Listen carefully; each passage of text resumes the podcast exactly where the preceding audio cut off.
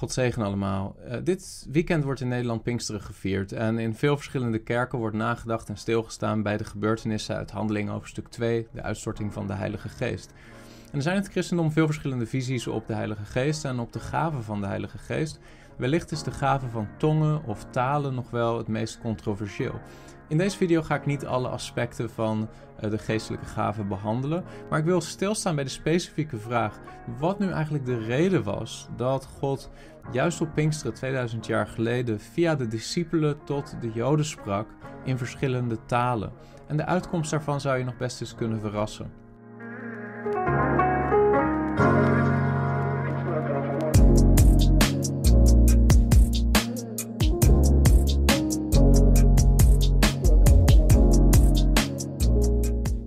Hoewel in Pinkster en charismatische kerken veel wordt gesproken over de gaven van tongen of de gaven van talen, zijn er in de Bijbel, in het Nieuw Testament, eigenlijk maar drie Bijbelboeken waar expliciet over tongen wordt gesproken. En dat is het boek Marcus, het Evangelie van Marcus, in het laatste hoofdstuk, de laatste verse, oftewel het langere einde van Marcus, Marcus hoofdstuk 16.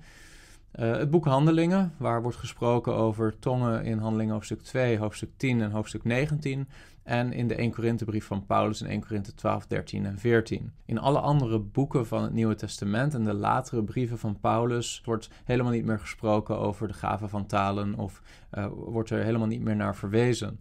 Maar in Handelingen hoofdstuk 2 daar lezen we over de gebeurtenis waarbij de Heilige Geest wordt uitgestort en waarbij de discipelen gaan spreken in talen. We lezen dat even samen om beter te begrijpen wat hier nu eigenlijk gebeurt. Vanaf vers 1, dan staat daar in Handeling hoofdstuk 2...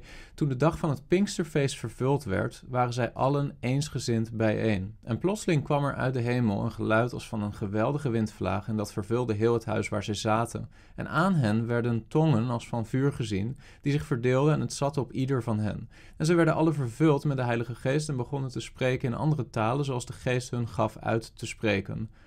Nu woonden of verbleven er Joden in Jeruzalem, godvrezende mannen uit alle volken die er onder de hemel zijn. Dit is even de context. De, de Joden zijn op dat moment al uh, woonzaam in verschillende delen van de wereld. Maar op het Pinksterfeest of het Wekenfeest komen veel godvrezende Joden naar Jeruzalem om dat feest te vieren. Dus op dit moment in de tijd waarover Handelingen 2 spreekt, zijn er allerlei Joden vanuit allerlei regionen van de wereld met allerlei verschillende talen uh, zijn bijeengekomen in Jeruzalem. Nu spreken waarschijnlijk de meeste van hen wel Hebreeuws, maar uh, de meeste zijn geboren in andere landen en hebben dus een andere moedertaal gekregen dan het Hebreeuws. Uh, al die verschillende Joden zijn bijeen in Jeruzalem. En dan staat er, vers 6. Toen dan dit geluid klonk, kwam de menigte samen en raakte in verwarring, want ieder hoorde hen in zijn eigen taal spreken. En dan staat er in het Grieks te idia dialectoi lalunton. Uh, in zijn eigen dialect, in zijn eigen taal sprekend. En dan staat er vers 7: En ze waren alle buiten zichzelf en verwonderden zich. En ze zeiden tegen elkaar: Zie, zijn het niet allen Galileërs die daar spreken? Nou, dit is opvallend. Zij zien dat dit discipelen zijn uit Galilea. Galileërs, nou is Galilea niet bepaald een regio die bekend staat om hoogopgeleide mensen. Dit zijn waarschijnlijk mensen die normaliter nauwelijks hun eigen taal goed kunnen uh, spreken of hanteren en laat staan schrijven dus de verbazing is heel groot dat deze Galileërs in andere talen spreken en wel in een hele hoop verschillende talen. Want we lezen door en dan staat er vers 8: Hoe kunnen wij hen dan horen, een ieder in onze eigen taal waarin wij geboren zijn? dus niet specifiek Hebreeuws, maar de talen waar die verschillende Joden uh, mee opgegroeid zijn in de landen buiten Israël waar ze zijn opgegroeid. Dan staat er Parten, Meden, Elamieten en zij die inwoners zijn van Mesopotamië, Judea, Cappadocië, Pontus en Azië, Frigië, Pamphylië. Egypte en de streken van Libië, dat bij Cyrene ligt, als ook de nu hier verblijvende Romeinen, zowel Joden als proselyten, vers 11, Cretensen en Arabieren. Wij horen hen in onze eigen taal over de grote werken van God spreken. Even voor alle duidelijkheid, de discipelen spreken hier in talen, maar dit is niet een soort uh, taal van engelen of een soort wartaal of een soort.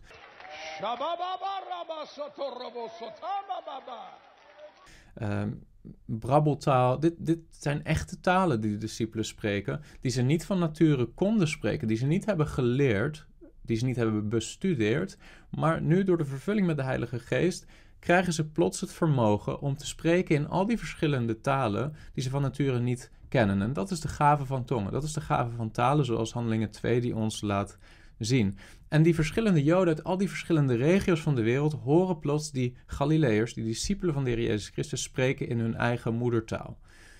Dan staat er vers 12, ze waren buiten zichzelf en raakten in onzekerheid. En de een zei tegen de ander, wat wil dit toch zeggen? Anderen zeiden spottend, ze zijn vol zoete wijn.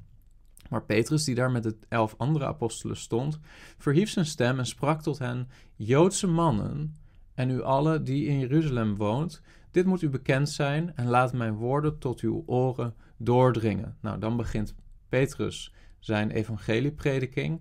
Maar die is dus specifiek gericht aan die Joodse mannen en al die verschillende Joden die op dat moment verblijven in Jeruzalem vanuit al die verschillende delen van de wereld.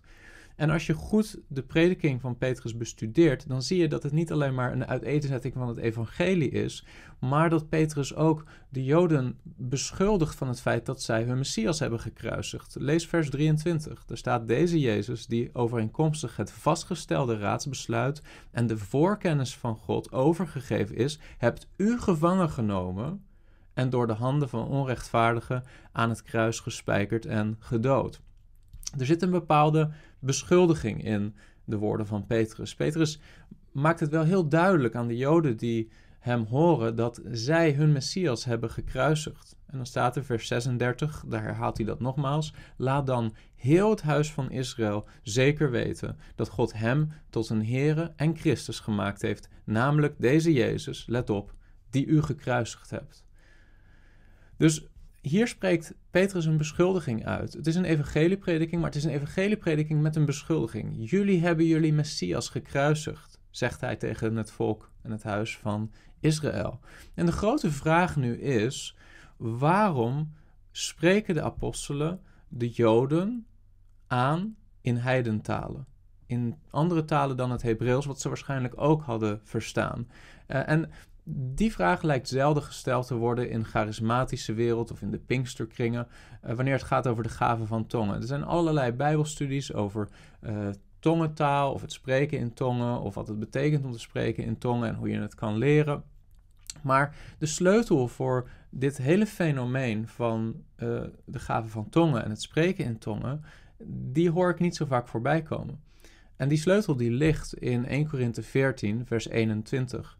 Uh, dat is ook een gedeelte van de 1 Korinthebrief waar Paulus spreekt over uh, de gaven van tongen of talen. Dat staat er in 1 Korinthe 14, vers 21 en 22. En veel mensen lezen hier overheen. Er staat, in de wet staat geschreven, en nu citeert Paulus Jesaja 28, door mensen die een andere taal spreken en door andere lippen zal ik spreken tot dit volk. Tot welk volk? Tot Israël. En ook dan zullen zij niet naar mij luisteren, zegt de Heer. Vers 22. Zo zijn dan de andere talen dus tot een teken niet voor hen die geloven, maar voor de ongelovigen. En zo is de profetie niet voor de ongelovigen, maar voor hen die geloven. Even een herhaling, vers 22. Zo zijn dan tongen of andere talen tot een teken niet voor hen die geloven, maar voor de ongelovigen. Welke ongelovigen? Specifiek, als je naar Jezaja 28 gaat, dan blijkt dat het gaat om de ongelovige Joden, de ongelovige Israëlieten. Want welk vers citeert hij nu eigenlijk uit Jezaja 28? Nou, dat uh, gedeelte zullen we samen lezen. Dus Jezaja 28 vanaf vers 7 tot 13. Daar treffen we dat vers aan, in vers 11. Maar daar schrijft Jezaja over de leiders van Israël. En dan zegt hij dit.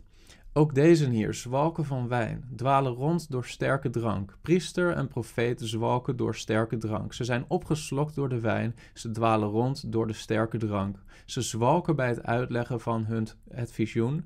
Ze struikelen tijdens hun gerechtelijke uitspraak. Ja, alle tafels zitten vol walgelijk braaksel, geen plek is er schoon. Vers 9. Wie kan hij dan de kennis bijbrengen? Wie kan hij dan het gehoorde doen begrijpen? Wie net van de moedermelk af zijn, wie net van de borst zijn afgehaald, want het is gebod op gebod, gebod op gebod, regel op regel, regel op regel. Hier een beetje, daar een beetje. En dit is een dit is een beschuldiging dat ze niet luisteren naar het woord van God. Dat ze niet luisteren naar hun profeten. Dat ze als het ware als baby's de geestelijke dingen nog onderwezen moeten krijgen. Terwijl ze geestelijke leiders zouden moeten zijn van Israël. In plaats daarvan zwalken ze rond als dronken mannen. En dan zegt Jezaja het volgende, vers 11. Ja, met belachelijke klanken, zo vertaalt de herziene statenvertaling hier het Hebreeuws, met belachelijke klanken en in een andere taal zal hij, dat is de Heere, tot dit volk spreken. Dat is wat Paulus citeert in 1 Korinthebrief. Met belachelijke klanken en in een andere taal zal hij tot dit volk spreken. Wat bedoelt Jezaja wanneer hij dit zegt tegen Israël? Hij wijst vooruit, het is als het ware een profetie op de bezetting en de uh, ballingschap van Israël, het Noordelijk Rijk, naar Assyrië. En het idee is als volgt: God zegt als het ware. Jullie zijn mijn volk. Ik heb mijn profeten naar jullie gestuurd. Ik heb mijn wet aan jullie gegeven in het Hebreeuws. En jullie hebben niet geluisterd. Jullie nemen het gebod niet aan. Jullie zijn niet gegroeid. Jullie zijn mij ongehoorzaam en opstandig tegen mijn wet. Nu zal ik niet langer spreken door profeten, maar nu zal ik spreken doordat de heidenvolken zullen binnenkomen en jullie zullen wegvoeren naar een ander land. Het is als het ware een oordeel wat wordt aangekondigd. Uh, als God zegt: Ik ga spreken tot dit volk in een andere taal, wat hij daarmee bedoelt is: er gaat een bezetting plaatsvinden. Assyrië gaat komen. Jullie, ik zal tot jullie spreken door de tong van een vreemd heidenvolk. Dat overigens uh, geldt niet alleen voor het Noordelijk Rijk met Assyrië, maar hetzelfde is in feite gebeurd met uh, Juda met betrekking tot Babylon, uh, maar wat later. Dan lezen we verder Jesaja 28 vanaf vers 12 tegen wie hij zei: Dit is de rust, geef de vermoeide rust en dit is de verademing. Maar ze wilden niet luisteren. Daarom zal voor hen het woord van de Heere zijn: gebod op gebod, gebod op gebod, regel op regel, regel op regel. Hier een beetje, daar een beetje, zodat zij als zij weggaan achterover vallen, verpletterd worden, verstrikt raken en gevangen worden. Dit, dit is als het ware een een vergelijkbare waarschuwing als die we aantreffen in Deuteronomium 28. Daar wordt in de wet het volk Israël al gewaarschuwd dat ze gezegend zullen worden door de Heer wanneer ze gehoorzaam zullen zijn aan zijn geboden, maar ook dat er een vloek zal komen over hen als gevolg van ongehoorzaamheid. En onderdeel van die vloek, lees je in Deuteronomium 28, is dat God het volk Israël zal overgeven aan heidenvolken, dat ze bezet zullen worden, dat ze weggevoerd zullen worden naar vreemde landen. Dus met andere woorden, Jezaja 28 is een waarschuwing voor het oordeel. En het, het idee dat God zal spreken tot zijn volk in een andere taal dan het Hebreeuws, is in feite een indicatie voor het oordeel wat komt. En dat is in feite de reden dat in Handelingen hoofdstuk 2 de Joden het woord van God, het evangelie, gepredikt krijgen in heidentalen. Het was een teken voor ongelovigen. Het was een teken voor Joden die hun Messias hadden verworpen, dat het oordeel zou gaan komen. En het oordeel is ook gekomen in de geschiedenis, namelijk in het jaar 70 na Christus, toen Titus, die later keizer zou worden van Rome, Jeruzalem belegerde en de tempel met de grond gelijk heeft gemaakt. Sindsdien is er geen tempel meer geweest, geen functionele tempel meer geweest in Jeruzalem. En dat mogen we best wel zien als een uitvoering van het oordeel wat aangekondigd werd. Dus tongen of talen en dat fenomeen wat plaatsvond in Handeling hoofdstuk 2 was niet in de eerste plaats een soort interessant of wonderlijk fenomeen. Nee, het was, het was als het ware een teken voor het volk Israël dat zij hun Messias hadden gekruisigd, dat ze hun Messias hadden misgelopen en dat het oordeel op het punt stond over hen te komen. En dat is in diezelfde generatie ook gebeurd. In toekomstige video's zullen we wat uitgebreider nadenken over uh, de gaven van tongen, andere geestesgaven, zoals Paulus die beschrijft in 1 Korinthe 12, 13 en 14. Ik zal binnenkort ook een gesprek daarover voeren met Leander en dat zullen we ook opnemen. Hopelijk zullen je daar ook wat aan hebben, maar hopelijk heb je ook iets aan wat we vandaag hebben besproken. Heb je iets gehad aan deze video? Druk dan op like, dan zullen meer mensen deze video zien. En wil je vaker dit soort apologetische video's zien? Abonneer je dan op dit kanaal. God zegen.